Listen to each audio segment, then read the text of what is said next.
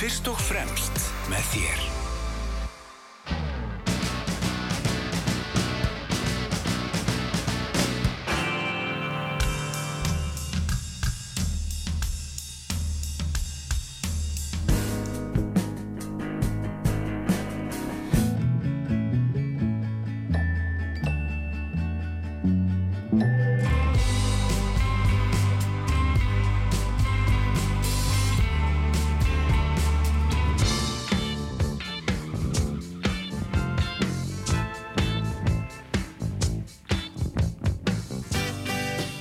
Komið þið sæla blössu. Ég heit Ólaðar Pál Gunnarsson og þetta er Rockland á Rástvöðum í beinni útsendingu úr, úr Efstaleiti. Ég fæ tvo góða gesti hérna á, á eftir. Rúnar Þórisson. Rúnar Þórisson sem að, já, var til dæmis gítaleikar í hljómsveitinni Grafík samtið þúsund sinnum segðu já og húsið og ég. Mér finnst regningin góð með félagum sínum. Hann var að gefa út blödu sem að heitir Upphátt. Er akkurat á æfingum núna fyrir, fyrir útgáðtónleika sem að verða næsta förstu dag í salnum í Kópói hann, hann kemur hérna á, á eftir. Og við ætlum að hlusta á nokkur lög af þessari fínu blödu og svo er það Valur Gunnarsson hann er, hann er komin hérna, heyrim í honum eftir, eftir smá stund. Við ætlum að tala eins um, um bítlana árið er 2023 og bítlanir eru í fyrsta sæti á, á vinsaldalistum viða um heim. Hljómsveitin stopnu fyrir meir en 60 árum síðan. Þetta er ótrúlegt en satt, en svona er þetta. Og við ætlum að velta fyrir okkur hvað ef hvað ef bítlanir hefðu bara aldrei verið til. Það er bara skemmtileg, skemmtileg pæling. En hann gaf út bók í fyrra þar sem að hann var að, var að velta sér upp úr þessu. Hvað ef hitt og þetta? En skulum byrja hérna á Richard Hawley frá Sheffield. Þetta er hans nýjasta lag. Heitir Not the Only Road. road I walk alone where beauty nails me to her cross.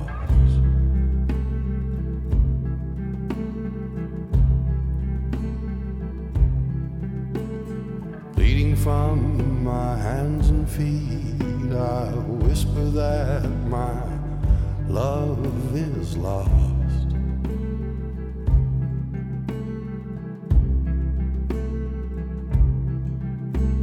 I water flowers in the rain. I dance beneath your silver flames.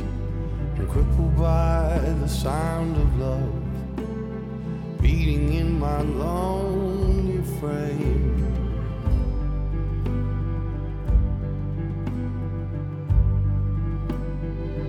My lonely frame.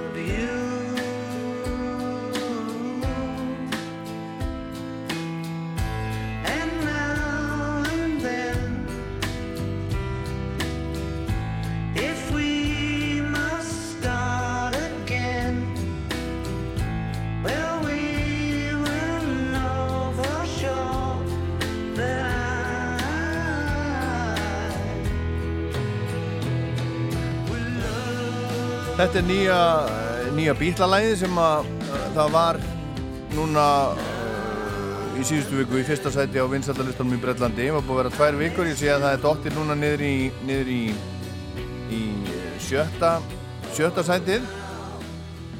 En bítlarnir uh, stopnaði fyrir meirinn 60 árum og á, á toppnum á vinsaldalista. Hugsaum okkur bara aðeins í tíman ef að árið væri 1980 og við værum með einhverja hljómsveit sem var í, í fyrsta sæti sem hefði verið stopnuð eh, fyrir 1920 þetta er alveg, alveg magnað. En hinga í Rocklandi komin Valur Gunnarsson sagfræðingur og rithöfundur.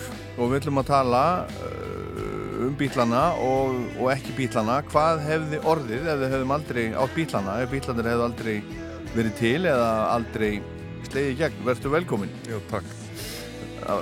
Valur nefnilega, hann gaf út bók í fyrra sem að heitir, heitir uh, Hvað ef? Og þar ertu, ertu að pæla svolítið í, í þessu. Hvað ef alls konar? Já, Hvað ef Hi- Hitler hefði unnið og Lenin hefði, hefði lifað lengur og ekki hefði orðið hrun og... já, einmitt.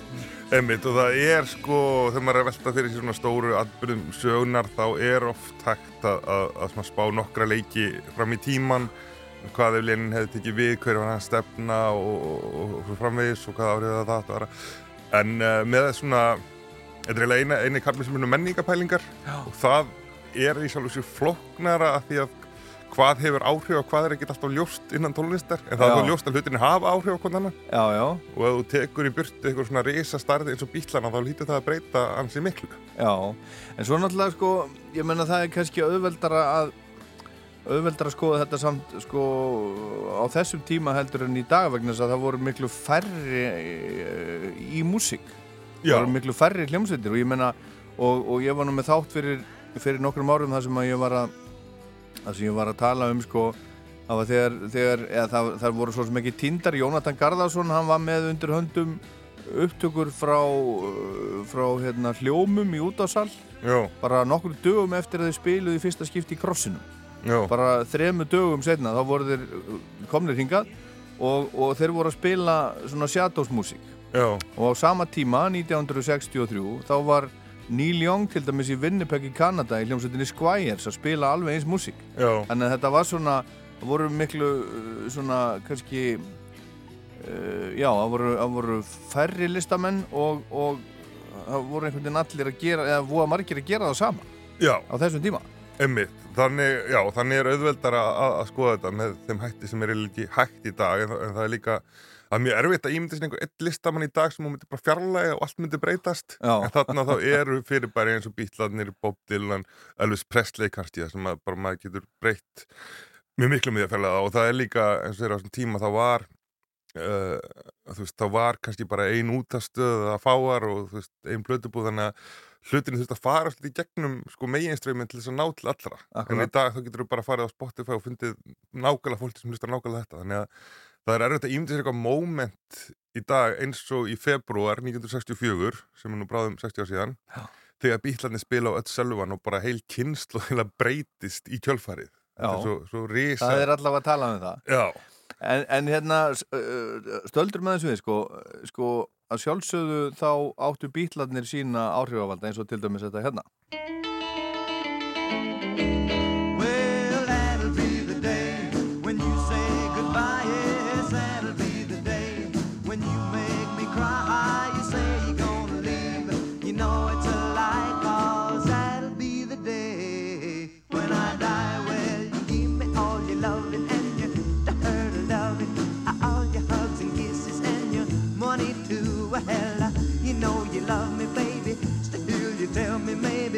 That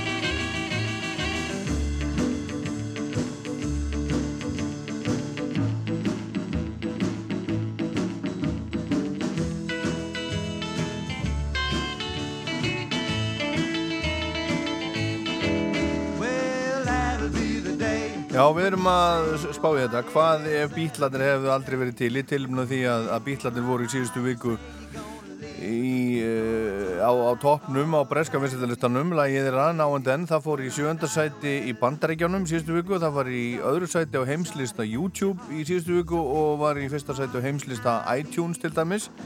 En, en þetta er eitt af því sem að kannski bjó bítlana til. Buddy Holly, það voru allir ungi strákar sem að á, áttu gítara um 1960 að hlusta á, á Buddy Holly, hann var, hann var fyrirmynd. Já, og, og, og hann er rauninni kannski ástæðan fyrir, fyrir því að Lennon saði setna frá því að, að, að, að því að Buddy Holly var með gleru þá gæti ég látið sjá mig með gleru jú, jú.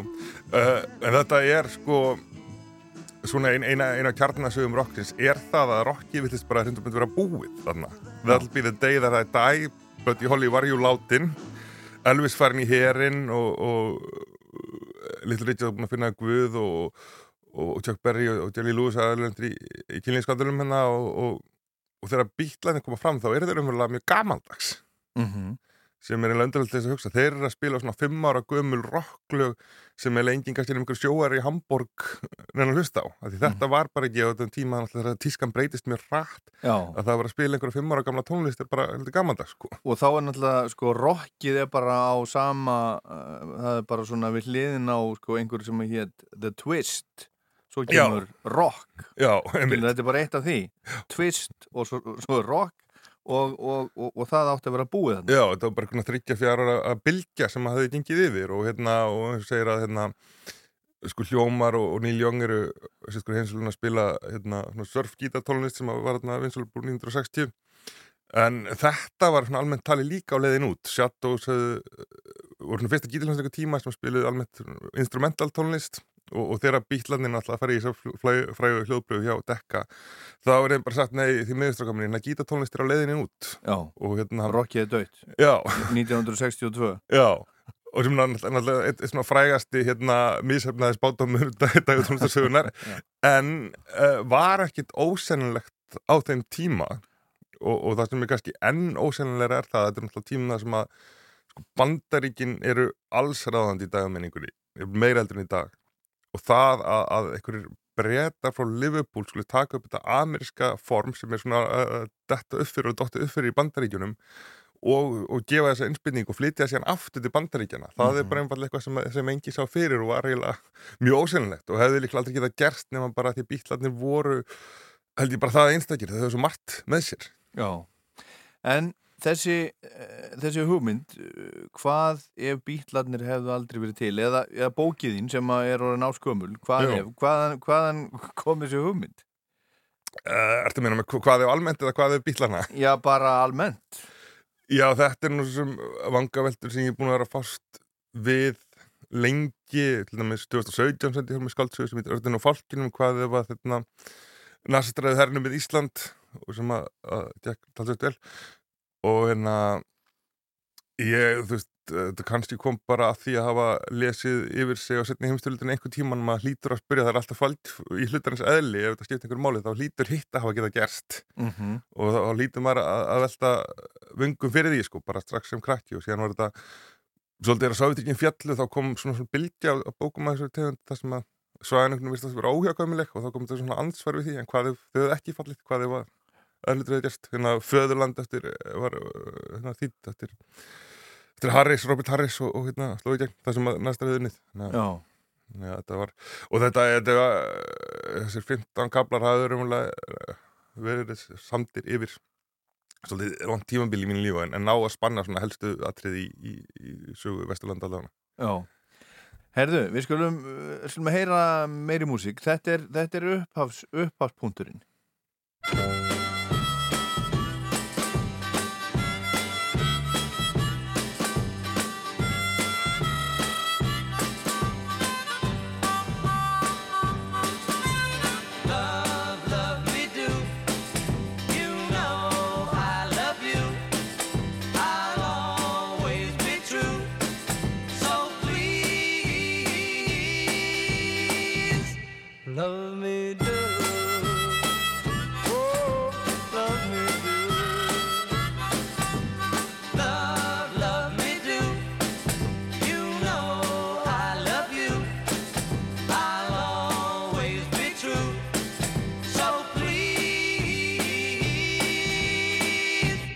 Love me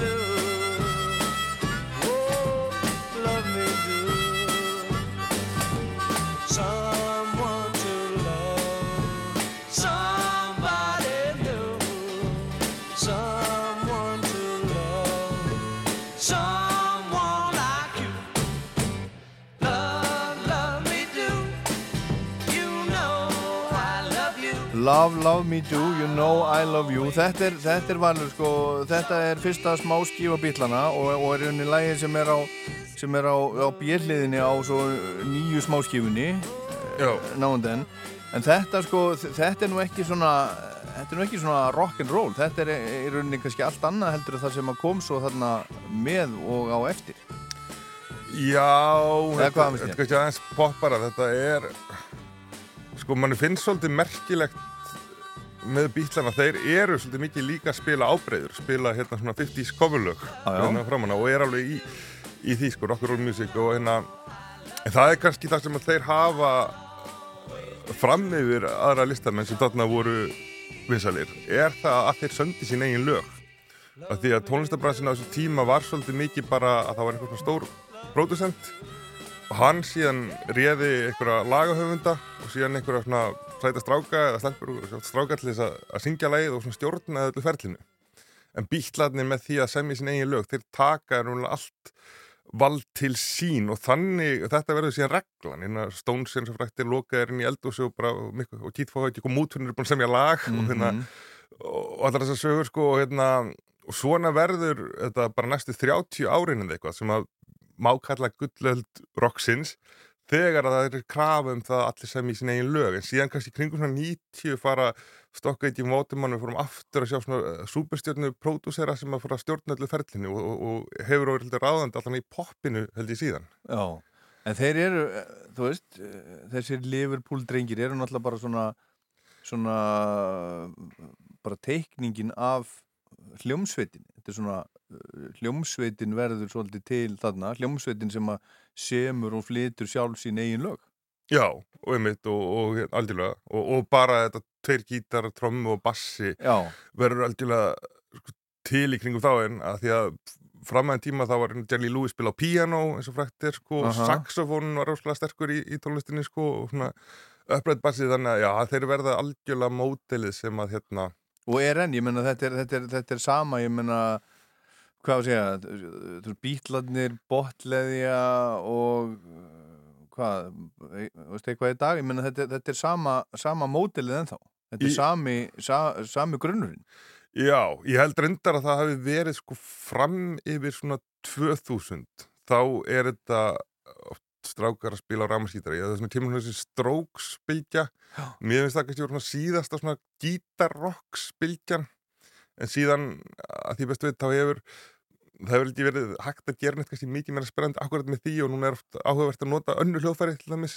Já, já, já, já, það er alls konar, alls konar hljóðfæri. En þetta er, en þetta er, já, svona grunnurinn bara svona, þetta er svona grunn rock hljómsveitin, en þetta Love Me Do, mér finnst þetta að vera svolítið öðruvísi. Þetta er ekki svona, þetta er svolítið öðruvísi heldur en í rauninni þessi svona rock grunnur sem að þeir voru búin að byggja á og svo kemur bara sko, þetta kom út í oktober 1962, náðu 17. sæti í Breitlandi og svo kemur næsta lag 11. janúar 60 og, og 3 bara nokkur mánuðu setna og fer á toppin í Breitlandi nei, annarsæti í Breitlandi og fer allarleið á, á toppin í í uh, bandaríkjónum býtunum við, nú er ég búin að, ég týna hérna búin að týna ég er búin að týna læginu, ég ætlaði að spila hérna, hérna Please Please Me sem er, sem er allt öðruvísi. Það er svona, svona svolítið, svolítið svona kynferðislegur undirtótt jábel, jábel í því.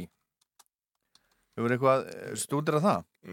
Nei, en það er eins og frækt er að, að uh, umbóðsmærin náttúrulega reyndi að hreinsa bílana upp sko, þeir voru náttúrulega í Hamburg allir í svona leðurfötum og, og með svona greitt í píku eins og kallað er sko hérna, og jafnvel meira 50-slegir sko en, en síðan til þess að, að gera það meira fyrir hérna, fyrir sem flesta þá, þá let umbúðmenn reynsa þá upp og, og kannski hefur þetta ykkur áhrif að það þeir eru rosalega krútlegir aðná Þeir eru voðalega sko. krútlegir og, og ég menna þetta er voða sætt og fínt lag en ef maður hugsaður þeir voru búin að vera náttúrulega bara hann innan um sjómenn og, og nætur drottningar og alls konar bara hörði eitulif hann í, í, í, í nokkur um, ár þegar þeir gáðu þetta út, lustum á þetta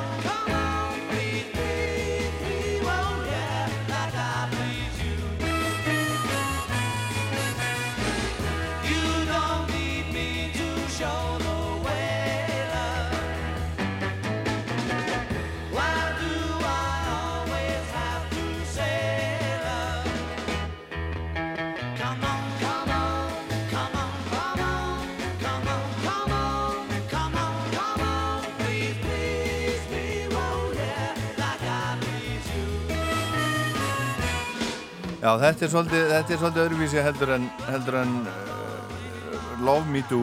Ég held að, að fólk hafi vorið kannski aðeins, aðeins trilltara þegar að heyri þetta heldur en, heldur en það.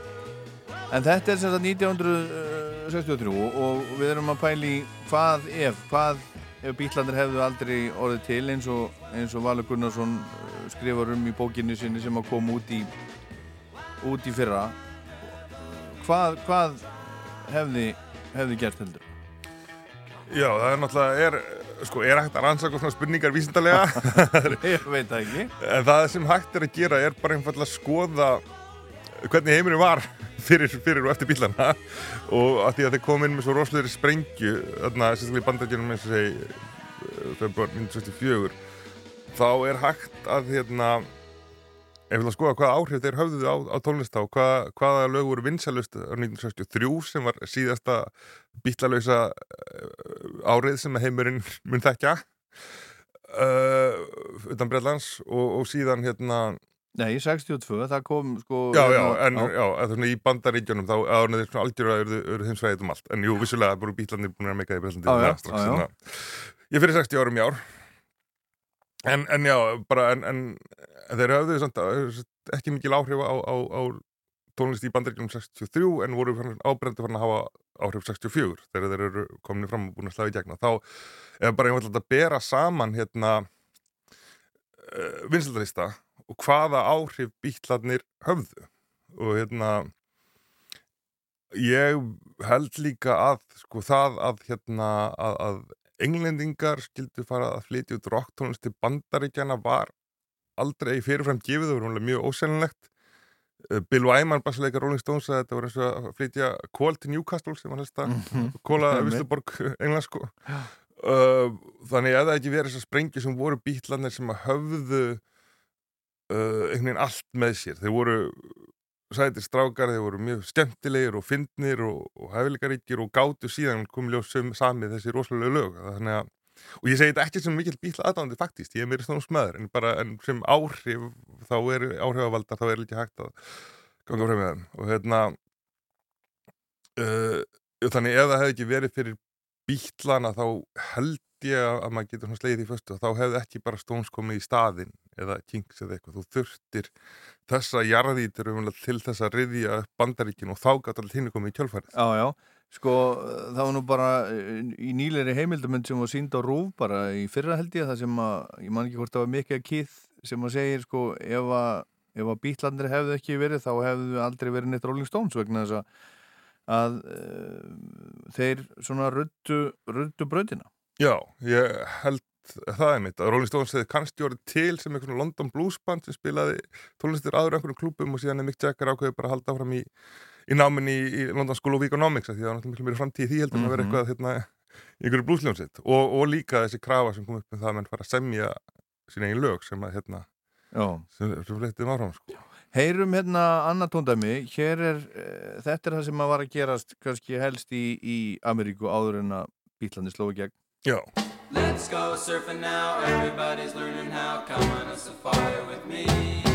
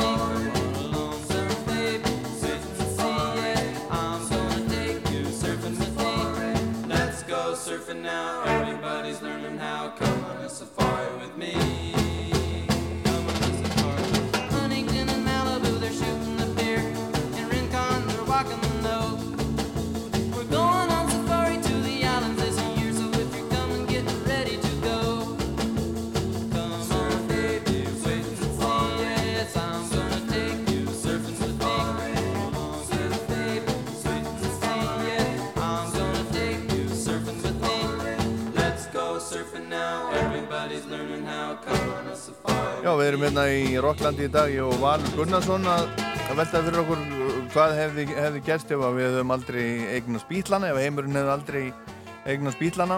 Þetta er það sem er að gerast uh, helst í bandarískri popmusik hérna 1962 áður en, en að bítlarnir slá í gegn. Og, og, og hvað svo? já, Hvað gerir svo? jú, jú, Engi bítlar.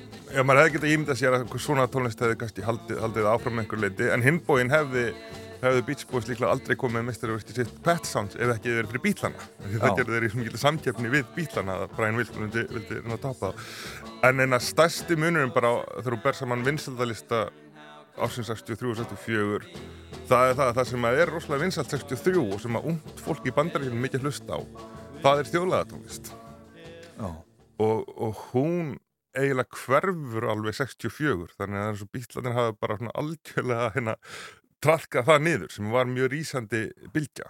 Já, þú ert að menna þe- þetta hér. Já, þetta er svona þjó, þjóðlag, þjóðlega How many roads must a man walk down before you call him a man? How many seas must the white dove sail before she sleeps in the sand? Yes, and how many times must the cannonballs fly? Sumir hafa, hafa talað um þetta lag, þetta sé bara, bara kannski mikilvægasta lag dagur tónlistasögunar, Blowin' in the Wind, Bob Dylan, uh, svona hinn hin eilífi friðar, friðarsöngur, þetta á alltaf, alltaf vel við og þarna var hann kominn uh, fram þessi, þessi ungi ungi gýðingastrákur frá Hibbing, Minnesota komin til New York og, og farin að láta, láta finna fyrir sig þar. En, en hann var ekkert hann var ekkert hann var ekkert, hann var ekkert frægur, hann var ekkert vinsæll. Lögin hans, sem sagt nafnið hans það kom upp í gegnum sko flutning annars fólks á hans músík. Já, framan á, hann var, hann var svona farin að vera vinsall líka en, en sem bara partur af þessari miklu bylgi þar sem að, jú, aðri voru að syngja lög eftir hann og, og, og svo framvegis. Þannig að uh, þannig að ef bílanir hefði ekki verið til þá hefði Bob Dylan samt verið til að því að hann var komin hann að óhað þeim. Og maður hugsaði alltaf um hérna Bob Dylan sem sem mótmálaskáld Aha. og svona einhvern veginn uh, en þetta er bara einu hálf platar umverulega sem það sem hann er syngja mótmálasöngu það Já. er hérna frívilin frá 63 það sem að er hérna sem er helmingarnar plötur eru mótmálasöngur og síðan hérna 64 Times Are Changing það er alveg hreinræktuð mótmálaplata alveg í gegn sko. Rosalega pólitísk síðan kemur Another Side of, of Bob Dylan það sem hann er svona meira grínast og, og þessar plötur er líklega komið hvort þið er en hérna En, það, en Bob Dylan hefði ekki endilega breytt á um stíl sem að margir líti á sem sko svik hans við, hérna, við þessa senu. Ef að, að bílan hefði ekki komið þá getur maður ímyndið að þetta hefði haldið áfram að blómstra í svolítið tíma í viðbót því þetta var í svo, þetta var bara nýtt til komið það var ennþá í miklum vexti sko og Peter Paul og Mary voru gríðarlega vinsaljú síðan. Joan Baez og minnisbáminn svo Phil Locks og Barry Maguire eitthvað þannig að ég, ég svona gæti ímyndað með það að, að, að þetta yrði miklu frekar eiginlega tónlist 68 kynsluverðinar ef bílarnir hefði ekki verið. Já, hlustum aðeins, aðeins á þetta How many years can some people exist before they're allowed to be free? How many times can a man turn his head and pretend that he just doesn't see? The answer, my friend, is blowing in the wind. The answer is Já, þetta er, þetta er Peter Murray. Þetta var sagt, miklu, miklu vinsalla heldur en Dylan sjálfur og, og í rauninni þessi lög eins og, eins og Blowing in the Wind og Don't Think Twice, It's Alright. Ég held að heimurinn hafi heyrt þetta með, með þeim miklu frekar heldur en Bob Dylan. Hann kom svo bara, það kom svo bara setna og, og svo hann var það auðvitað miklu starra nafn heldur en, heldur en þetta hugulega þjóðlaga tríó til dæmis. Jú, Með það, til hann er mikið ólíkitt að tól og hann var svona alltaf að breyta sér. En það var spurning hvort hann hefði endilega verið svo mikið að breyta sér, maður veit það ekki. En hann hefði líklega ekki fyrir stofna rockljómsett ef ekki verið fyrir bílana. Þú heldur ekki? Nei, því að það hefði bara ekki, fyrirmyndin hefði ekki verið til staðar. Ég held, ég, ég, ég er ekki vissum að, að, að, að það hefði verið, sko, hann hefði kannski haldið þessu áfram og síðan fyrir byttið verið í country, ég veit það ekki, en, hérna, en, en það er alveg tildurljóst að þegar, Dylan verið rafmagnaður 65 þá er það tildurlega beinum áhrifum frá bítlunum og, og öðrum svona Og, og frá bara þessu hérna?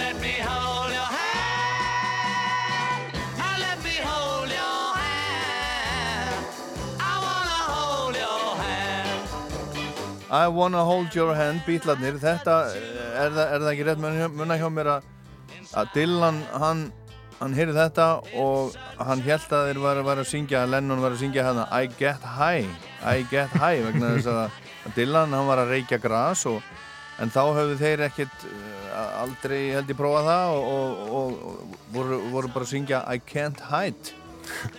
Já, það er, nú fræg saga því þegar, þegar bítlarnir hitta Dylan í fyrsta kipti og leitu á fundur þá kynir Dylan á fyrir hassi og það má snúa spurningunum við og spyrja hvað ef Dylan hefði ekki verið til hefði bítlarnir þá aldrei kynst hassi og öðrum ostinnalegum og kannski aldrei um Sgt. Pepper eða eitthvað líka En við heyrum alltaf rosalega mun á sko Blowing in the Wind sem er lag sem er einhvern veginn að reyna að bjarga heiminum og yfir í I Want to Hold Your Hand sem er nú bara, ungi menna að hérna sem getur stelpna og hérna þannig að bæði Bílan og Dylan hafa alltaf rosalega mikil áhrif á hvern annan. Og hérna og John Lennon sérstaklega ákveður að þeir verða nú að fara að semja um einhver svona mikil, mikilvægari efni og starri málefni heldur en, þau eru að gera fram að því.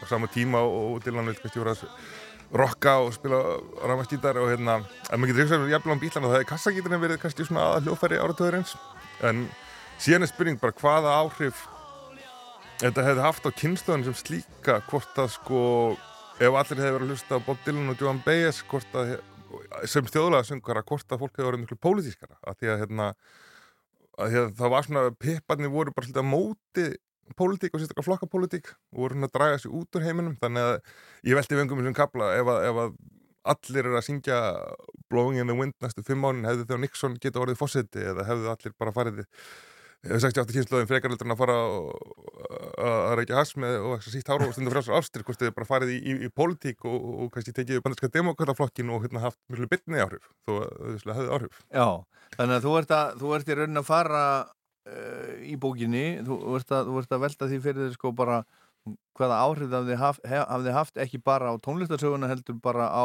á bara, uh, bara stjórnmálasöguna og, og, og bara sögu, sögu heimsins. Já, ef að bílarnir hefur aldrei verið til. Ég held nefnilega að þetta er svo samt finna, sérstaklega á þessum tímum að þetta er stærsta kynslu á þetta tíma á Vesturlundum Aha. baby boomer sem svo kallar er, sko, þeir eru talið starri heldur en kynslan undan fyrsta skipt sem ungt fólk er fjarráð og tíma og, og eru einhvern veginn koma inn með, með, með nýjan kraft og alltaf breyta öllu sem text, kannski ekki alveg sem skildi þó að vissulega hafi ímyndilegt breyst en, já, en, en ég held að þeir hefði verið. Og, og, þú veist, og, og þau voru svo tónlist var svo ofbóðslega mikilvæg á þessum tíma og þú skilgrindið út frá henni á hátt sem að ég held að þú gerir ekki lengur nærið að mikið, því nú bara svo mikið af alls konar efni, efni aftrengjarefni í kringum þig hérna, þannig að um, ég, sko þegar, þegar að, að Nixon vinnur kostninga þetta 1968 þá er það náttúrulega í andstöðu við þetta. Hann er náttúrulega, Nixon er, auðvitað ekki þeirra maður heldur en helst í anstæðingur ypana og Aha. þessum kynsluðar en þeir voru með frambjöðanda demokrata hér Eugene McCarthy og það voru svona stemningi kringum hans sko sem er hipp að segja get clean for Gene, þeir fóru í klippingu og, og snirtu sig og fóru sérna og gengu í hús og hérna fólk að kjósa hann sko. Já, og, og kannski hérna ef að, ef að hérna, kynsluðin hefði, hefði orðið pólitískari frá upphafi og jafnvel bara byrjaði að, mótmála Vietnamstríðin alveg blóðingið vindur og einhvern veginn saman Vietnamstríð fimm árum áður en að það er umverulega sko allt áður en að það er ná hápunkti sko strax 63 Mhm. og hérna að menn hefði verið hérna já, innblásnari að hinnum pólitíska dilan, frekar heldur en svona súrealiska dilan sem kom síðar, þá hérna hef, hefðu þeir, hefðu menn farið kannski meira út í stjórnmál og reynt að breyta, breyta hlutunum með beinum hætti, frekar heldur en óbeinum. já, hlustum aðeins á, á einmitt, súrealíska Dylan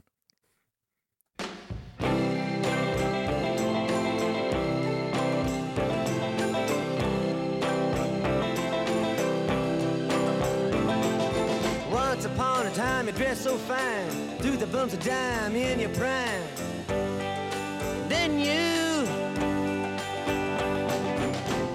People call, say beware doll, you're bound to fall. You thought they were all kidding you.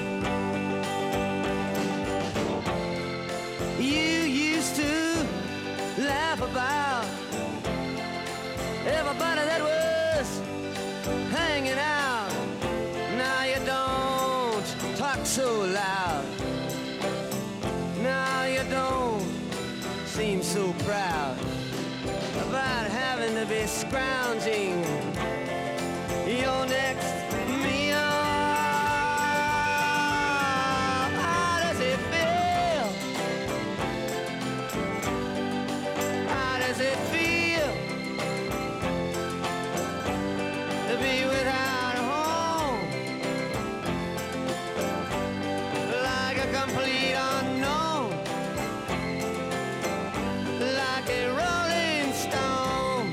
Like a Rolling Stone, þarna er, Dylan orðin orðin surrealiskur, hættur að vera mótmælusöngur og þetta er svona svolítið eins og breytingin frá sko Bubba þegar hann hættur að syngja um stál og nýf og fer að syngja um speilmyndir og votum malbyggi og, og hérna og þannig að þú veist þannig komin allt annar, allt annar Dylan þannig Dylan undir áhrifum frá Já, erum við ekki, erum við ekki saman á því? jú, við erum að halda því á Ég án bítlana þá hefur alltaf samt fengið Blowing in the Wind því hann samti Já, það ánarhuga en hefðu þið fengið lega Rolling Stone, ég, ég held raunverulega ekki. Og það er svolítið einmitt undarlega, sko, nú í dag er allir svo, svo anskoti viðsýnir, sko, hérna, að þið geta bara hlustað á allt, sko. Aha. en, en þetta er eina af þessum þjóðsögum rocksins. Þegar Dylan ákveður að spila uh, gítar rock fyrir eitthvað þjóðlæðatónlist, þá eru rosalega margir sem upplifa það bara sem svik sko, og fólk fyrir á tónleikinu alltaf að púa niður og saga því að Pete Seeger sem hann veit þjóðlæðsögnar hafi þetta að skera á hann hérna en uppbært fólkfæðistöðalunum með því að haka með exi á hérna á, á snúrundar sko og hérna baksins, þú veist Ég, he- ég held að það, það sé reyndar, reyndar lígi sko. Jú, en, sagan er góð. Já, hérna- sagan, hún flög alveg og flög og flög og flög En segir samt eitthvað um bara hvað, hvað þetta var mikið mál sko, hérna, og, og, og, og líka sko að það er, það er þetta sko bara þegar þú ætlar að, ætlar að býti epli en ert svo kannski bara með uh, býtur í blóðmör skilur, þetta var, þetta var allt annar hlutur. Þú, þú, þú fórst á tónleika ætlar að sjá Bob Dylan með kassagítar og svo var hann bara með einhverja rockljómsveit það var náttúrulega bara, fólk var ekkert ánað, ánað með það. Nei. Fekk ekki það sem það held að væri að fara að fá. Nei, nei, einmitt. En það er kannski líka svona, jafnvel ennþá meira, þetta var líka einhvers konar kannski svik við sko pólitíkina og við málstæðin og við boðskapin já, uh, og jafn sem tónlistalega og þó að sko, margir getur, flest getur sammála um það að þessar þrjár rafmögnuðu plötur stilan á þessum tímabili 65-66 séu með því besta sem hann eða bara náttúrulega nokkur hefur gert þá eiga síður, þá kannski einmitt er hann þarna að svíkja málstað sem þurfti á hann að halda Já, en kannski er það líka, líka uh, það að sko, já, uh, sko málstafur, þetta var náttúrulega líka uh, sko popmusik og svona alvöru músik, þetta var ekkert, átt ekkert endilega samlið. Það er að segja. Það er að segja unga fólkið í háskólanum, það var að hlusta á, á þjóðlagasöngvarana. Já, og, og, og, og það allt saman og svo var hitt bara eitthvað svona kúlu tyggja og poppa sem verið verið að syngja bara um sæta stráka og, og stelpur. Þannig að þetta var einhvern veginn það var eins og bara sikkur heimurinn sem að rannir unni saman með bæði Dylan og Bílun Já, einmitt, þá rétt. Og, og það spurning hvort að það hefði gert það ef ekki hefði verið fyrir báða. Erumlega og tekur annarkotni eða út af jöfnunni þá kannski og, og okkur finnst að skrýta því núna í dag þá eru hérna þykja bítlanir eru hérna klassísk tónlist sko og hérna og tónlist á tíman alltaf er, þykir jafn hálist og hvað sem er annað sko en það tók talsverðan tíma þannig að það hérna var að vera hérna en, en ef við tökum þetta sko enn lengra ö- segjum að, að hérna sko ef ekki hefðu, hefðu verið bítlar þá hefði Nixon kannski ekki verið kosinn. Og ef við bara svona fetum okkur bara til dagsins í dag hvað hefði þá geta hugsanlega orðið, orðið öðruvísi? Já, það er, þegar þú ert með svona vangaveltur þá er miklu auðveldra að taka 2-3 skref til hliðar en ef þú heldur síðan áfram að því að sko vangavelturna ger alltaf ráð fyrir því að ef þú breytir einhver einu þá breytist alltaf næ kjölfarið. En ef þú tekur bítlana út úr því þá getur vel verið að einhver önnur sprengja hefði síðan komið aðeins setna en það var bara sem eitthvað allt annað. Eitthvað sem við getum eiginlega valla ímyndað okkur sko. Og það er og Þú meinar tónlistarsprengja þá menna ég tónlistarlega en, en hérna já uh, pólitíst þá hérna þá ef, ef, ef að Eugene McCarthy hefði orðið fósiti 1968 og, og kannski uh, bundið hérna enda á Vietnamstríð með betri hætti það auðvitað er eitt svona Watergate nexli sem að og þetta tvenn Watergate hafði þau áhrif að hérna að fólk gafst bara svolítið upp á pólitík það fór bara svolítið að hugsa eins og eiginlega nánast allir gerir þetta það sami rassinundið um öllum og þetta er allt bara spilling og þetta þú veist og, og ekkert sem neitt vil taka þátt í sko þannig að, að nú er ég kannski svolítið næfiskur en, en, en kannski hefði allt pólitík sem leið til þess að breyta samfélagin til þess betra hefði kannski orðið meiri hugmynd lengur og, og, og hérna já, þá, og, þá hefðu kannski ekki þurft regan heldur og hvað þá Trump Já. Þetta eru skemmtilega pælingar. he, heimurinn án bílana væri örgulega fátæk væri tónlistalega sér en kannski hann hérna veitur öðruleiti Já, sem sagt, já, uh, tónlistarlegar uh, fátækari en kannski hefði þið verið meiri friður í heiminum, hugsaðlega. Já, þó að, þó að það sé kannar þeir en að það voru bara svo mikil orka í, í þá sjálfa þetta ég sem að hérna, og öskra bílatónleikum sem hefði mátt er- nýta einað Þetta eru, þetta eru miklar, miklar pælingar. En, en, en þú segist vera sko Rolling Stones maður frekar uh, bílamaður ef, ef þú stillir því Já, upp þannig. já, ég, ég held samt sko að um að það komum bílana þá myndur alltaf fá Rolling Stones, þú myndur alltaf fá hina hljómsveitina af því það er alltaf þannig sko, eitthvað slæri gegn eftir nirvana kemur Jam kom alltaf einhverju sko hinir, en, en, en ef það ekki verið fyrir bílana þá hefðu við aldrei fengið það en já, það er maður hérna Vesaling Stones, þeir eru nú ekki út svona fyrsta blötu í 18 ár og alltaf þurfa bílanir að toppa þá Já, þetta er alveg, þetta er alveg ótrúlega. Bílarnir og Rolling Stones að gefa út, gefa út blöður. En, en hvað, hérna, uh, ég hitti stundum, stundum fólk sem að, sem að segist ekki þóla, þóla bílana. Já, Hvað, hvað, hérna, segir maður við svoleiðis fólk? Af því að, sko, í rauninni þá eru, sko, bílarnir eins og margar hljómsveitir. Þetta er, þetta er, veist, þetta er svo, þetta er svo alls konar, alls konar músík. Þetta er, hérna, þetta er, þú veist, kammerpop, þetta er þungarokk, þetta eru, ballöður, þetta eru, veist, margar plötur, það eru allar ólíkar innbyrðis og sömar eru bara eins og, til dæmis, hvítalbómi bara í rauninni eins og margar hljómsveitir á einni plötu. já, Þannig að ég, ég hef stundum klórað mér stundum, býtu, ok, þú segist að það var gaman af popmusík, en, en þú er ekki þessa hljómsveit. Hvernig má það bara eiginlega vera? Já, emitt, þetta er eins og að, að ég veit ekki, elska klassika tónlist frá setjumleita 18. aldar þó líki Mozart eða eitthvað, þetta er bara uh, þetta er nánast of mikið sko þú, hlustar Rolling Stones þá, hugsaður ég að ég gæti nú gert þetta kannski sko Aha. en þú hlustar á bílana þá hugsaður það ekki þá bara ertu bara svolítið, vá þetta er, þetta er þessum allan mannlegt en það er bara líka merkilegt hvað hlutin þróuðust ótrúlega hratt Já. Eins og I Wanna Hold Your Hand til Sgt. Pepper eru þrjú ár en þetta er eins og sko manns aldur í bara dagutónlist sko. Já. og, og það er kannski hinn hliðin af peningnum sko að því að það voru ekki, menn voru ekki kannski jafn mikið svona að skipta sér bara í mismunandi hópaðið, þetta var bara svona eitt streymur í gangi en þá þurfti hann líka að breytast rosalega hratt um, hverju áreila til þess að halda aðtekli allra sko. Já, og menn, menn voru náttúrulega í stæntlust í keppnum að toppa einhvern annan þannig að já, það með svona tímabil mun ekki koma aftur alltaf ekki gítarokki, það mun gerast einhver annar staðar og með eitthvað annað en held ég ekki með ekki í þessu listformi Valur Gunnarsson, þetta var, þetta var, þetta var skemmtileg, skemmtileg hugaræfing og það má lesa um þetta meira og, og, og aðrar svona, svona pælingar í þessari bók sem kom út í fyrra, hvað ef, Já. en svo varstu að gefa út nýja, nýja bók, örstuðt um hana. Já, hún heitir Stríðsbjarmar og fjallar um stríðið í Úkræn í dag en líka um, um sögu Úkræn og allt aftur til Garðaríkis sem að kemur viða fyrir í, í Íslendingasögunum og, og fortsögunum og, og sem að hérna Úkrænumenn eru, eru svolítið spenntir fyrir. Þeir vilja endla tengja sig við Viking og við Norðurlundin og, og þar með Vestur-Európu þannig að það er ná, gaman að fylgjast með svona, hvernig þeir eru að smíða sér sína sögu í dag svona, og, og, og hefur að gruska í íslenskum heimildum til þess að, hérna, leita að upplýsingum. Já, en þú ert búin að, að vera svolítið þarna. Já, jú, jú, ég var ég bæði í sumar og, sumarið áður og þess að eftir að stríðið hóft að líka verið áður fyrir það sko. Já. Hvernig, uh, hvernig fer þetta allt saman?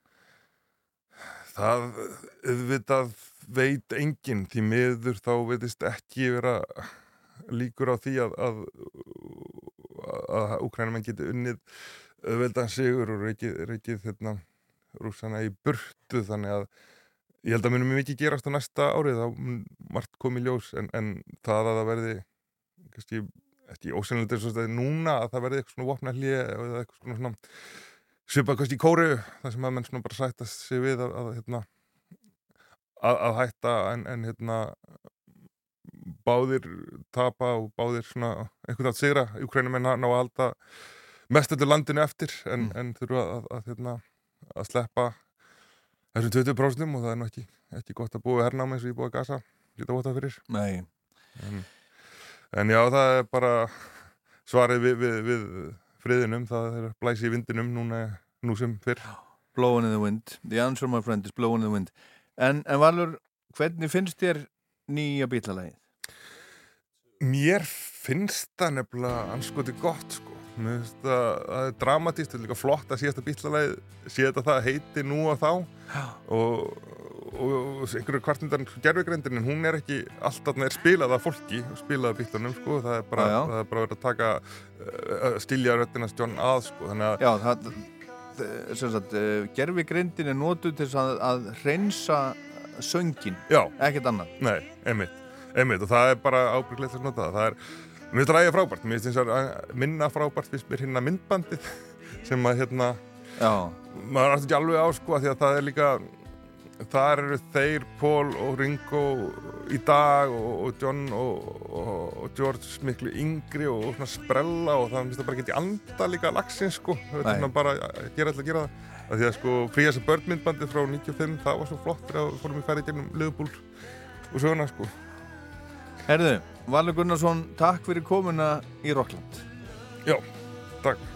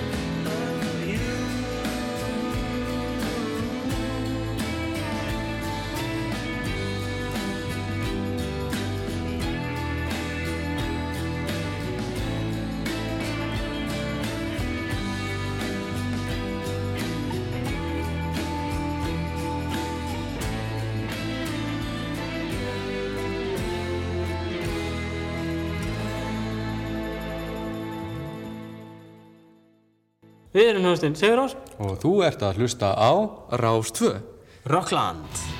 Bara ég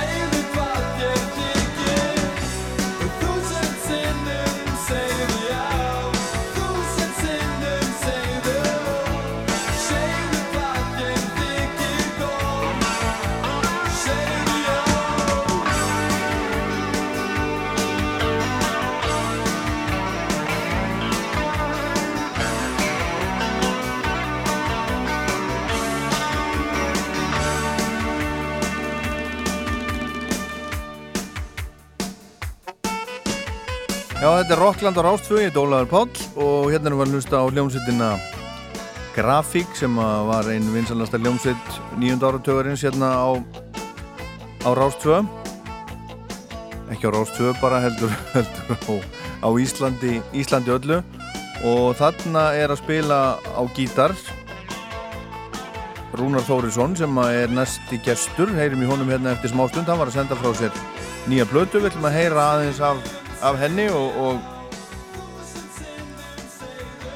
og spjalla uh, spjalla saman. Heyrim við nú eftir, eftir smástund en fyrst skulum við heyra annar lag með, með grafík og það sem þeir eru Helgi Björns og, og, og Rúnar og fleiri. Þetta var gefið út árið 2011 held ég alveg örglega í tilumni af, af afmæli 30 ára afmæli grafík. Þá kom sapplata og tvö ný lög. Þetta er held að þetta sé örglega annað af þeim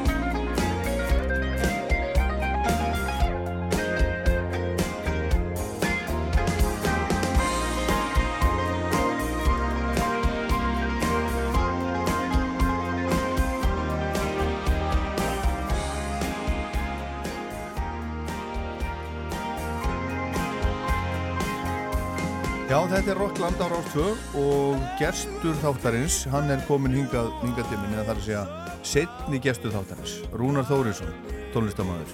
Sumir myndu kalla hann, hann gítarleikari, en hann er auðvitað ekki, ekki bara gítarleikari, hann er bara alliða tónlistamæður og var að gefa út nýja blödu sem að heitir Upphátt, verður hjartalega velkomin. Já, takk fyrir það. Gaman að sjá þú og til hamingi með þessa, þessa uh, flottu blödu. Já. Þetta er mjög, þetta er mjög flott. Já, takk. Hérna, skulum bara byrja á að heyra uppháfslægið af blöðunni sem að heitir Út í þögnina. Þú, þú, er- þú ert ekki að hraðferða það? Nei, nei, bara leiðin út í þögnina. Já, bara. Slagur. Hlustum. Já.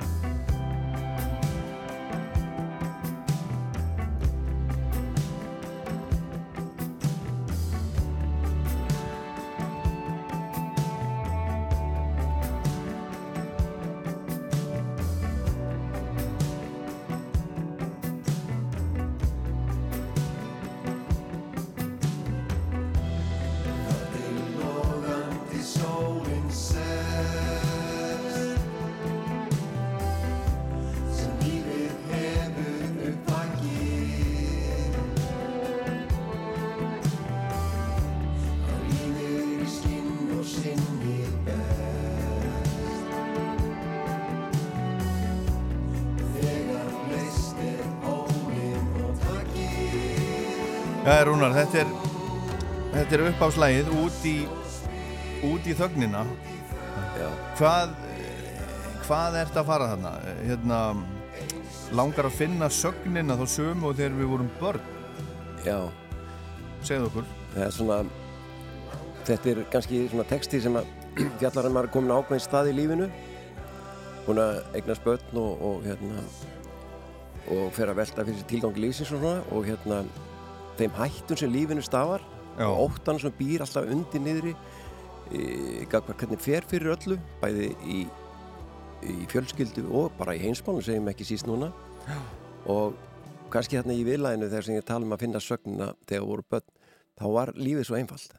Það var svo indislegt, það var svo saklust maður var ekki trættur, maður var bara gladur Já, ég er svona höfða til þessara anstæðina kannski, þú Já. þroskast verður maður upplifir ákveðna reynslu og en samt batnið í þér. Við viljum finna það. Aha. Ertu, ertu búin að finna hérna uh, leindardóm lífsins? Ertu búin að átta það á þessu allir saman? Nei, nei, nei, nei. átta maður sig einhvern tíma á því? Nei, átta maður sig einhvern tíma á einhverju? Vondi verður það bara þannig að maður átti sér aldrei alveg öllu. Nei. og maður er alltaf ófullkominn.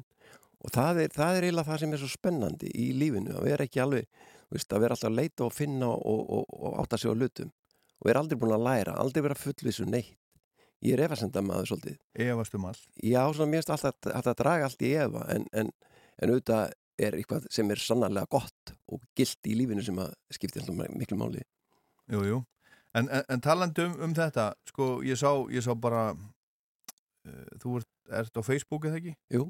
Ég sá á Facebook eitthvað um daginn, það var svona mynd af einhvern veginn af, af manneskjum já, og, það var svona uh, teiknað eitthvað svona á magan á þeim svona sem átti að tákna gleði. já, Og eftir því sem við verðum eldri, já þá minkar þetta. Þá minkar svona gleðin í manni einhvern veginn. já, Þannig að maður þarf að, að þá að, að sko vinna einhvern veginn í því að, að viðhalda því skilurum. akkurat Þannig að ég held að það sé sko við, við erum gladari þegar við erum börn já, og við erum minna glöð þegar við verðum eldri. já, En svo eru þetta alls konar hlutir sem að, sem að gleðja. Það, það er að gera ímislegt í því. En svona, en, en ef við horfum á bara tvo einstaklingar sem að eru bara til, mhm þá eru ung, ungt fólk og börn gladari heldur en eldra fólk. Já, það Segja vísindi. sam, já, einmitt, en það er ekki dindislega heldur að sé glatt gamalmenni Nei. sem er ekki beist út í lífið og, og er sátt við lífið og, og alltaf þá göngur sem að það við komum til hefur gengið. En við kannski líka töfum svolítið svona já, ég man alltaf því fyrst því ég hætti að laka svona mikið til eins og ég hafi gert. Já, hvort það voru jól eða hvað það var alveg sama hvað það var. Að þegar maður mistið bílið þessa tillökun og eftirmendingu og, og spennu og hún, ég held að hún hverfi aðeins en ég held að sé rosalega mikilvægt að við reyna að viðhalda þessu, maður getur gert það með eins og móti. Já, já. bara með hérna, stunda menningarlífi til dæmis til lust að lesa bækur, bara tónleika eða eitthvað þess aftur, lusta tónlist og láta það inspira sig á eitthvað hátt. Það er eins og þessi rítöfund voru eins og Tór Viljáms og, og hann hérna hvað er hann hérna? Sigurður Magnússon. Það var svo gaman að hlusta á þessa menn og hann- Sigurjón hérna sálfræðingur sem að eru bara áttræðir eða nýræðir og eru að springa af sko áhuga yfir því sem þeir eru að gera Já, já. ef voru að gera En það er akkur þetta ábyggilega að, að, að vera alltaf spenntur fyrir því sem að maður er að gera. Já, Og, og er það það sem að, sem að keiri þig áfram? Ég menna, hvað, eh, sko, þú ert ekki lengur ný, nýfemdur nei, og búin að vera að fástu músík, sko, ég er búin að vita allavega að því sem ég var unglingur já, og, og enn ertu að gera bara metnaða fulla flotta músík og, og hvað, sko, þá hugsa ég, hvað er það nú sem að, sem að drífur þetta áfram? það er já, það er hérna ég hef endalus ástyrju fyrir þessu. Ég er sí ákafur í því sem ég er að skapa. Og ég er rosalega ánað með það að, að ég, ok, ég er ekki nýfemdur en að hún sé til staðar þessi ástyrja og ég er bara spenntu fyrir hverju einasta e- þegar ég er að vinna í lagi, hverju einasta litla elementi sem kemur í lagi, ég uppveðrast bara allur. Og hérna og það verður bara eitthvað stórkvöld, ég þarf að lusta á stundum sko, ég, það er enginn sem lustar á mig jafn mikið og ég sjálfur, sko, nei. það er alveg náttúrulega hreinu, Já. kannski lutanins eða líkur það, Aha. en hérna mér finnst þetta svo gaman. Já, en þe þessi plata, hún er svona, eh, sko ég er búin að hlusta á hana nokkur sinnum og, og um, Þetta er, þetta er svolítið, maður myndi svona, fyrsta sem maður myndi segja, þetta er svolítið þungt, já, svolítið heavy og svo hugsa maður, þetta er svolítið svona seintekið kannski, mm, en svo heyrir maður aftur og aftur, sko, og þá, þá heyrir maður alltaf eitthvað, eitthvað nýtt mm og það er svo skemmtilegt. já. Er það eitthvað sem þú ert að reyna eða er það bara svo, uh, þannig sem að þetta kemur út? Nei, ég held ég sé ekki að reyna það. Reyndar finnst mér sko sjálfum svona músik spen- spennandi sem að maður kannski þarf nöysin að hlusta á hann aftur til þess að átta sig á hann eða, eða meðtaka hann eitthvað. Það sé ekki alveg, maður bara falli ekki alveg endilega killiflatur við fyrstu hlustun Já, og hérna og ég bara ánar að það er þannig. Ég held að það sé ekki endilega meðvita en þetta er bara eitthvað sem liggur mér nær að gera sko bara. Þetta er bara einhvern veginn bein leið sko. en þegar þú segir svona músík, hvað ertu þá að meina? Svona músík hvað? Eins og hvað? Á hvað, hvað gleður þína hlustir? Já, það sem gleður mína hlustir, það er það er pínlítið dramatík, Já, gætnan og ég er ekki, mér finnst reyndar rosa gaman að hlusta á svona gleðmusík svona bara þess á milli sko, eitthvað sem að leipum mann bara í, í gott skap. En svona, ég er náttúrulega verða vikinn að ég heldur rosalega mikið upp á Nick Cave. Já, alveg gýr gríðarlega mikið. Og sömulis upp á Mark Lanigan og uh, þetta er svona menn sem að ég út af horfa á með bæði tónlistarlega og eins með bara ákveðni virðingu fyrir því sem er að gera og ég er ekki ert svona on the dark side. ég, svo, það er sem bara svo ótrúlegt sko að því að mér dettur nú í hug að segja frá því að því við erum að tala um það að badnabann mitt eitt segir Afi, hvernig stendur á því að þú ert að semja þessa dramatísku tónlist. Já, þú sem ert alltaf svo hress og kátur. Og það ég held að geta alveg farið saman að maður þurfi, ég er, kannski geti vel farið saman að vera bara sæmilega léttur, kátur og sáttur en að gera tónlist sem að tógar í taugar dramatíkur og ákveðna tilfinninga. Og það ger ég ábyggilega ekki síst á þessara plötu, öllum plötu sem ég hef gert sko, já. hún er mjög svona tilfinningabundin. En svo er þetta með, með músík, hún hefur náttúrulega áhrif á hvernig nokkuð líður, mm eða getur haft það. Uh, Sumir fara í, í stuð þegar þeir heyra stuðmúsík, -hmm. sumir verða alveg brjálæðir þegar þeir heyra það og við þetta ekkert verra. Fara í vondskap, við að heyra svona gleði. Eitthvað svona stuð, líki stuð, og, en verða einmitt glaðir þegar þeir heyra svona dramatík og, og eitthvað svona svolítið já. Hvernig, ertu búin að átta þig á hvernig stendur á þessu? Nei, ég get ekki svarað þessu alveg. Mér, ég veit það ekki alveg. Nei, Þetta er hérna... Ég, ég, sko, ef ég hlusta á einhverja þingri tónlist, þú veist, ég ekkit sorgmættur að þannig. En það er einhver taug í manni sem, sem bara mennsku manni sem að hérna, eh, þetta snertir svona tónlist. já, ef ekki, ef ekki heyra bara lag. Jú, Það er lag hérna leiðina alla, heyra það næst. Já. Hvað getur sagt okkur um, um það þetta er, að því við erum nú að tala um stuðlag, þá er Já. þetta mesta stuðlag á blötunni.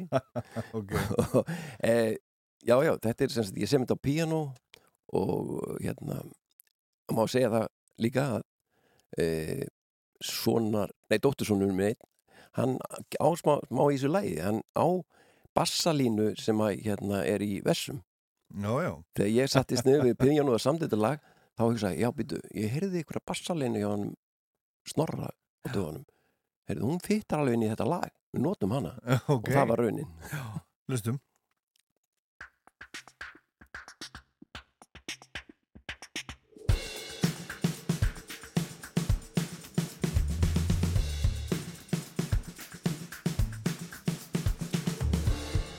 Lífsins kápust lífur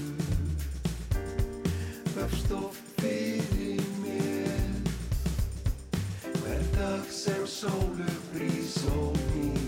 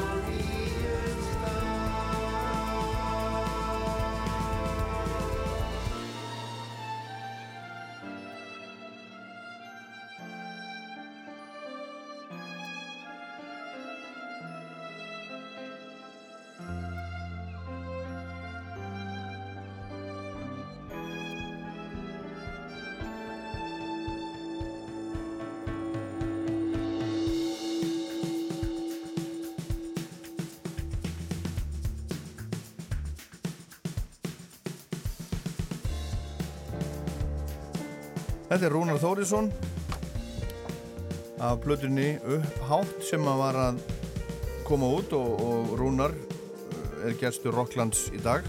Rúnar sem að var auðvitað í hljómsveitinni Grafík á sínum tíma. Samti þúsundsinnum segðu já og, og mér finnst rigningin góð og, og, og allt það. Og svo er það þetta núna. Þann, ég var að hugsa að er þetta, þetta trommubít þetta, þetta minnir mig á eitthvað sem að ég einhvern veginn hugsa alltaf Radiohead Já uh, Ég held alltaf rosalega upp á Radiohead Já, Það, er, það er uppáhaldsbandi mitt í raun og veru sko. það er þannig Já, Þetta er alveg eins og þetta, þetta, þetta, þetta minnir mig á eitthvað, eitthvað Radiohead lag sem ég man, man ekki Já. nákvæmlega hvað heitir núna Er það rétt? Er, Ég- er það fyrirmynd að einhver leiti? ég, sko, ég, það er ekki meðvitað að ég gera endilega fyrir þetta lag en auðvitað Radiohead er starf alltaf bak við það sem ég hef verið að gera oft sko. Þetta er svona eins og ég sé að reyna samena í mínum huga Nick Cave og Radiohead sko. Já, Það var svolítið gaman að sjá einmitt hann bassaleikar að spila með Nick Cave nú um framhjálfið að segja það. Bassaleikar Radio kom fram á tónlingum ef verið að koma fram á tónlingum en hérna Nick Cave. Já, já. en já, já, það, það er hérna. Já, þetta er svona þinn, þinn hljóð heimur. Nick Cave, Radiohead, Mark Mhm. Lanegan. Já, það býr þe þe þetta til en þetta er líka bara eitthvað svona þessi, þessi fiðla hérna, hún var meira svona íslensk mér heldur en, heldur en þjóðlega kannski já, þjóðleg frekar en Warren Ellis já, mér, sko. já, já, það er alveg rétt sko. það er náttúrulega ekkit margir sem spila eins og hann Nei, nei, nei. það er alveg svaka tilfinning í, í hann er hverjum einasta rosalegur. tón hann er rosalegur hann er rosalegur alveg en þú ert, þú ert hérna í, í þessu en, en sko, en svo ertu líka ég veit að, að uh, já, þú ert búin að vera að spila á gítar síðan, þú varst bara unglingur, eða ekki? mm og, og uh, þeir gítarleikara sem að fengu þig til þess að byrja að spila gítar er það ekki Robert Fripp og Nei, ég er eldri en það sko, það voru aðrir hann undan sko. Það er bara bítlarnir og Stones Já, og Kings og það sko. Já, hva, hvað ár gerir þú? 55 Þú ert 55, já. Já, þannig að það það er hérna, já, það er bara Keith Já, og George. Já, og já. George og þeir sko. En svo, en svo svona þinn gítarstíl eins og í grafík til dæmis hann er mjög svona afgerenda þú er, þú er svona tilengaður ákveðin, ákveðin stíl Já, það er hérna það er svona setna sem að, svo fer maður að hlusta á Jimi Hendrix og Jimmy Page og þetta allt, þú veist. En svo setna þegar, svona, þegar grafík verður til þá einhvern veginn ég, held ég hafi svona samlega gerst að maður leitar einhverju sándi, einhverju hljóðheim með gítarinn mm -hmm, pluss það að maður er að leita einhverjum svona spilastíl mm eða leita að dettu nýra, maður dettu kannski bara nýra maður hefur lustað eitthvað og svo allt í henni bara Já, funkar eitthvað sándið það sem þú veist að gera á gítarinn og það virkar. Og ég held að ég, á þess að ég ætla nú ámennast að það hafi gert þið í mínu tilvilli að það einhvern veginn small eitthvað saman þarna. Uh, en það eru náttúrulega áhrifin í grafík eru náttúrulega ég verða ekki neðar, Robert Fripp og maður margir tala um það Adrian Bellouf, Andy Summers og fleiri sem hafa áhrif á hvernig ég held ég spili sko. Já. Og svo ef maður, ef maður hugsa sko bara, uh, ef að segja maður rocksagan byrji með Chuck Berry og Elvis mm. og til dagsins í dag þá hefur náttúrulega gítarið er aðal uh, hljóðfærið, það er svona uh, rock hljóðfæri nummer eitt. Já, myndum við, við ekki segja það Mhm. þið, hljófari og svo, svo koma þeir sko, það er Chuck Berry og, og svo koma þeir, þú veist hérna bara Jimmy Page og Angus svo- Young og. King Jimi náttúrulega Hendrix og allt eitthvað svona, já, já. En hvað með sko um, hver, hver er svona staða gítarsins í dag? Hver er svona Já. síðasta síðasta gítarhetjan sem að sem er að gera eitthvað svona eitthvað alveg nýtt og geggjað? Sko, ég held ég að get ekki þínum mati? Ég á erfitt með að svara þessu eiginlega. En hérna kannski hérna fyrir, fyrir mig er sá gítarleikari sem er reyndar ekkit ungur hann er einu ára yngri ég akkurat hérna, hann Ok. hérna Nils Klein í ljónstinu Vilkó. Já, Nels Klein já. Nels Kleins fyrir hann hérna er, finnst mér mjög spennandi gítaristi. Ég er alveg samanlega alveg svakarlega flottur.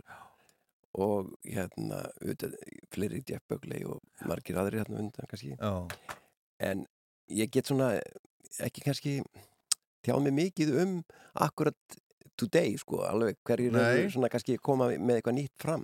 Það eru náttúrulega mjög margir góðu gítarstofum fjölga gífulega bæði hérlandi og erlendis.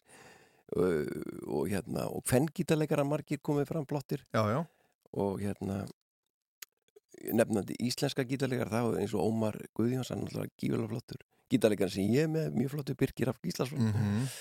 uh, þannig að hérna en þetta er þér eitthvað Nei, ég, ég, ég, ég fór bara að hugsa þetta sko, þú veist, þú, þú ert með sko Chuck Berry og svo ertu með Hendrix og það, allir er að gera eitthvað nýtt og Já, Richie já. Blackmore og Jimmy Page og svo kemur Eddie Van Halen og, og þeir allir Mhm. Steve Vai og svona Já, og svo náttúrulega eru, svo sér maður bara á netinu, ég meina það eru, það eru bara litli krakkar eh, sem er að spila í Rapsjón eftir, eftir Eddie Van Halen já, já, með bara lokuð augu já, já.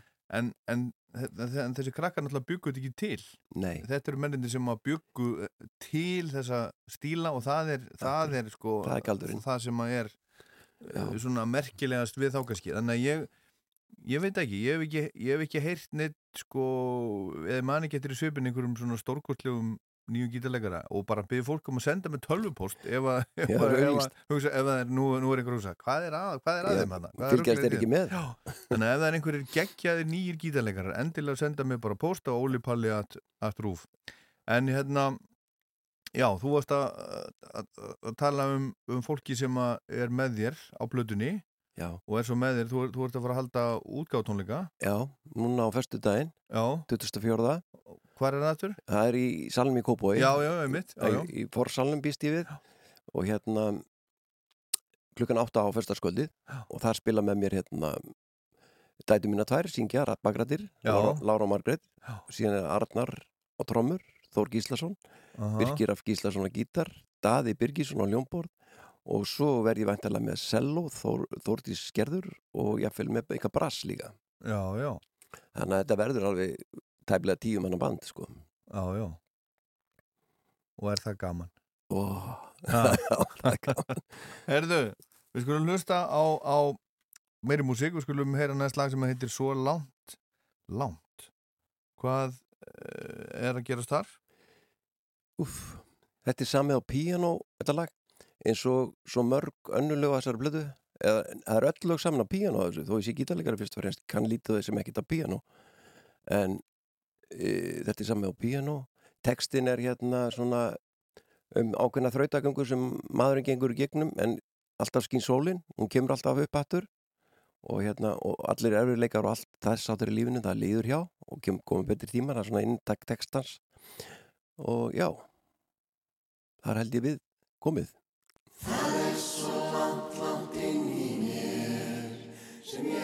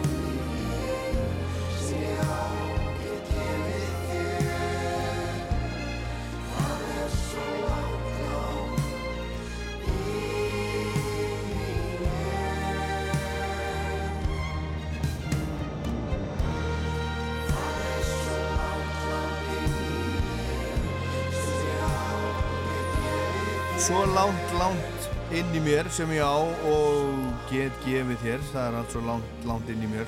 Þetta er Rúna Þórisson að blöðunni Upphátt sem að var að koma út og hún er bæði komin á streymiveitur og svo er hún á, er hún á vínil. Þú ætla vantilega að vera með hann á tónleikunum? Já, reyndar upplægur uppselt eins og er Nú það er bara þannig, já. En ég verð nú samt að vikina upplægi var ekki drosa bíkið Nei, ok. Herðu, en, en, en þú segir, þú veist að segja hérna að, að þú hafi samið þetta allt saman á píano og Já. þú sem ert, ert gítarmaður fyrst og fremst, gítarleikari, gítarmaður, það er fyrir þitt fyrsta og aðal, aðal ljófari. Er, er, er það enn og aftur, er það einhver svona Nick Cave áhrif? Já, já, það er ábyggilega, ábyggilega eitthvað sko Og eins það stemman fyrir þessar plötu var þannig að ég vildi einhvern veginn hafa hana bara róleri Já. Hafa hana meiri svona hugleðingar um lífu og tilbyrjununa Mhm. Kannski aðeins meira svona söngaskald ef Mhm. getum kallað það, fyrir ekki heldur rockgítaristi Mhm. og sem þetta við píano píano bæði það að því að tónlistin er róleg og, en, en, og eitt, eitt flottur ljómur á píano, hann er svo magnaður sko að hérna það mjög, það er svo gaman að spila á píano þó Já. maður kunni ekkit mikið á það það er svo, einhvern veginn svo stort Já. mér finnst það heillandi og svona það hljófari einhvern veginn uppfyllti það, það, það sem sagt þau skref sem ég eiginlega ég vildi taka í tónlistinni tengja það saman text og lag sitta við píano sem ég hafði suma texta sem ég hafði samið áður í samt í lagið sem ég sjálf gett að ég geri. Uh, mér líka það rosalega vel. Uh, spila sé GD og gítar, jú, einhvern veginn en einhvern veginn þegar maður gera á píano það, Það er, það er ekki eins. miklu stærra. það er einhvern veginn miklu stærra. En ég, eh, sko, hef einmitt hugsað, hérna, ég er svona, myndum segja, verður verður kannski meiri bara svona gítareigandi heldur en, held, held, held, heldur en gítarleikari, en ég, ég kann að spila GCOD, en ég, ég kann ekki spila það á, á píano. Nei. Er, er, hvernig á maður, á maður að byrja? á píano Já. ég var nú að segja að hann ég kynna ekkert á píano ég veit ekki hvað ég get sagt þér Nei, ég menna til þess að geta, geta spila bara með GCD, er þetta ekkert mál? á píano Já. ég að meina ef maður spila til dæmis aðeins á gítar? Það, það er alveg tvent ólíkt raun að veru sko. Píano og gítar en þetta liggur svo ólíkt sko. Píano er svona svolítið simmitri sljófari að þýleitinu er það auðveldar heldur en gítar. Þú getur sko tekið sétur hljóm á gítarinn á marga vegu en þú tekur hann alltaf eins á píano kannski bara mismöndi stað. Akkurat. þannig að það, það er mjög sim ég held að maður geti jáfnvel verið fljótar átt að sjá píano hvar, hver nóta í hljómi líki heldur en á gítar, ég skal ekki segja það þetta er, þetta er tónlistalega pæling sko Já, já.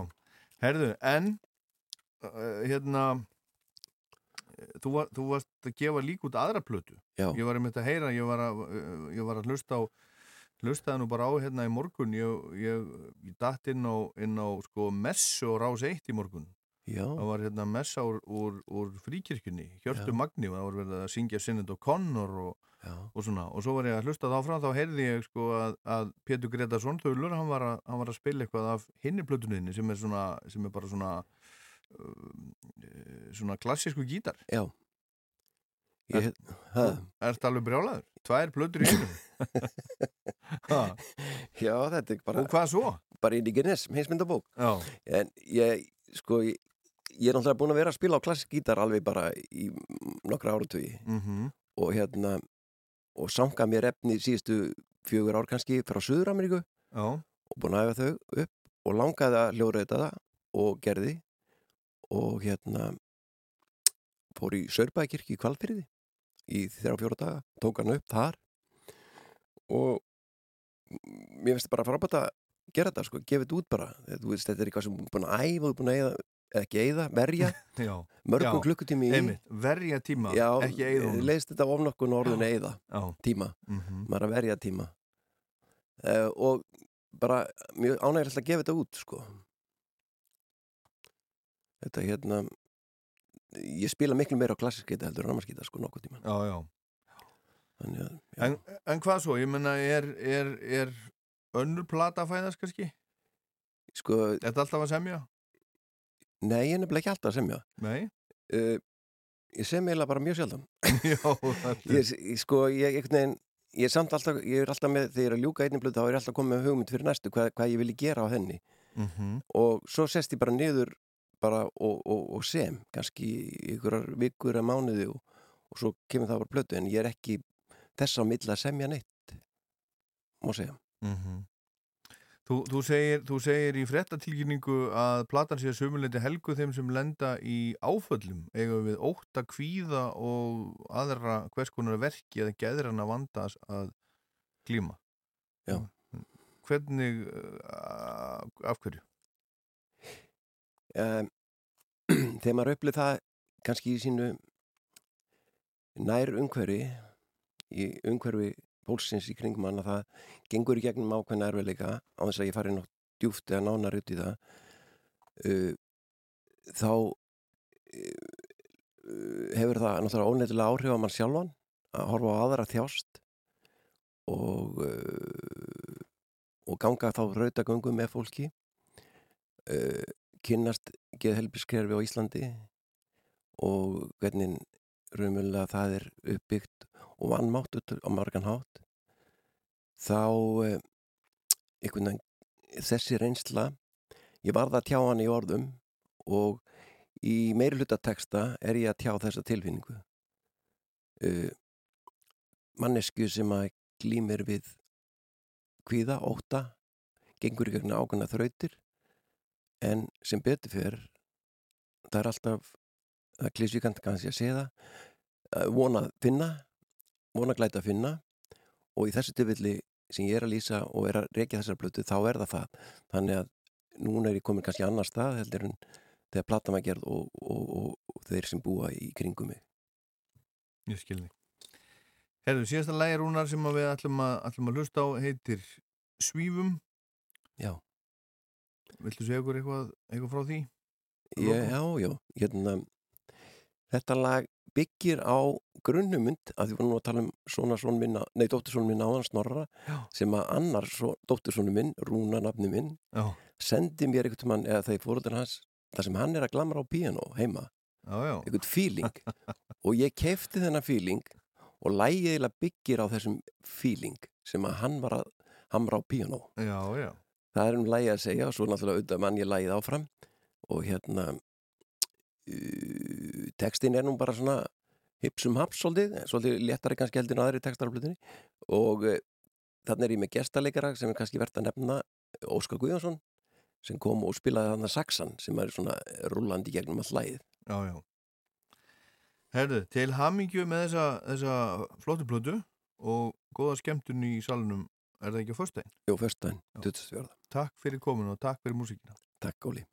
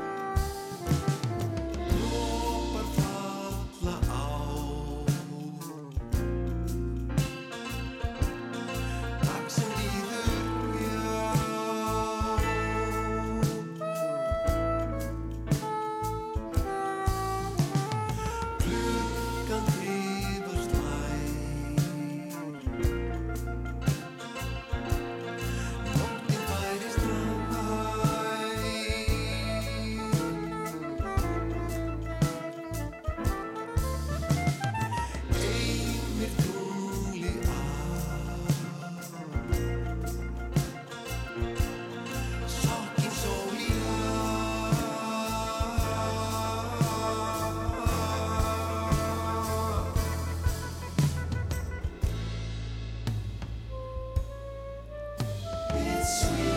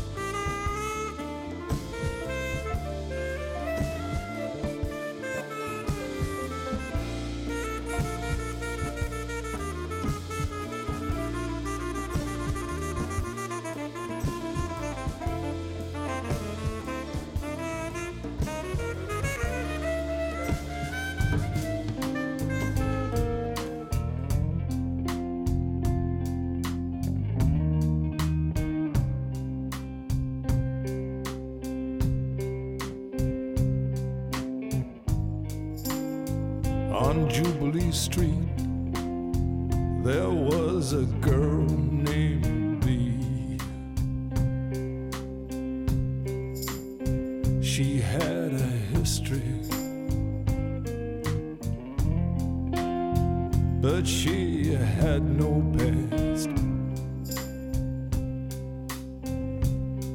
When they shut her down, the Russians moved in.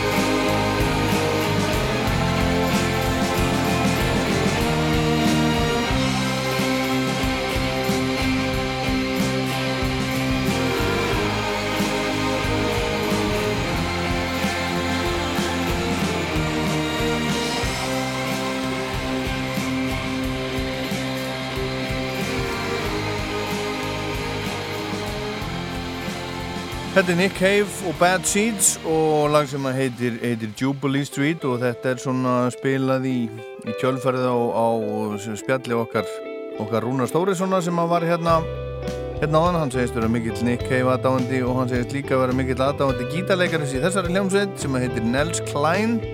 Spilaði í hörpu núna á þessu ári. Þrjú kvöldi röð í Germany, Þetta var spilað síðasta kvöldið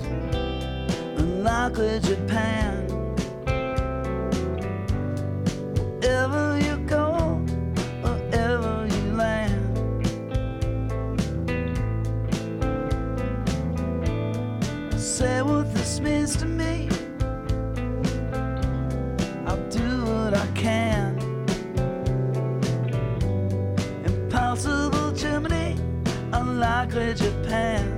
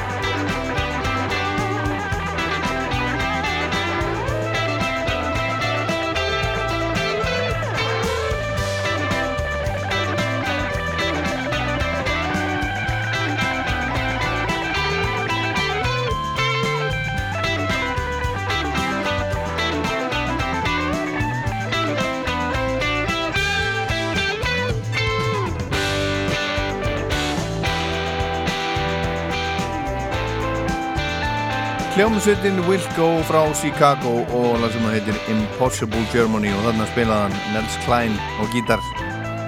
Meðal hans eru þrýr gítarleikarar í þessu frábæra þessu eru frábæru hljómsveit og þetta er einn af þeim sem að, hann heldur mikið upp á hann Rúnar Þórisson sem var hérna á hann en þá er Rockland bara alveg að verða búið klukkan alveg að verða 6 ég heiti Ólafur Páll Gunnarsson takka fyrir mig í dag og, og Grateful Dead Jerry Garcia og félagar alltaf hveði okkur með þessu skemmtilega lagi hérna sem heitir Friend of the Devil. Friend of the Devil is a friend of mine. Takk fyrir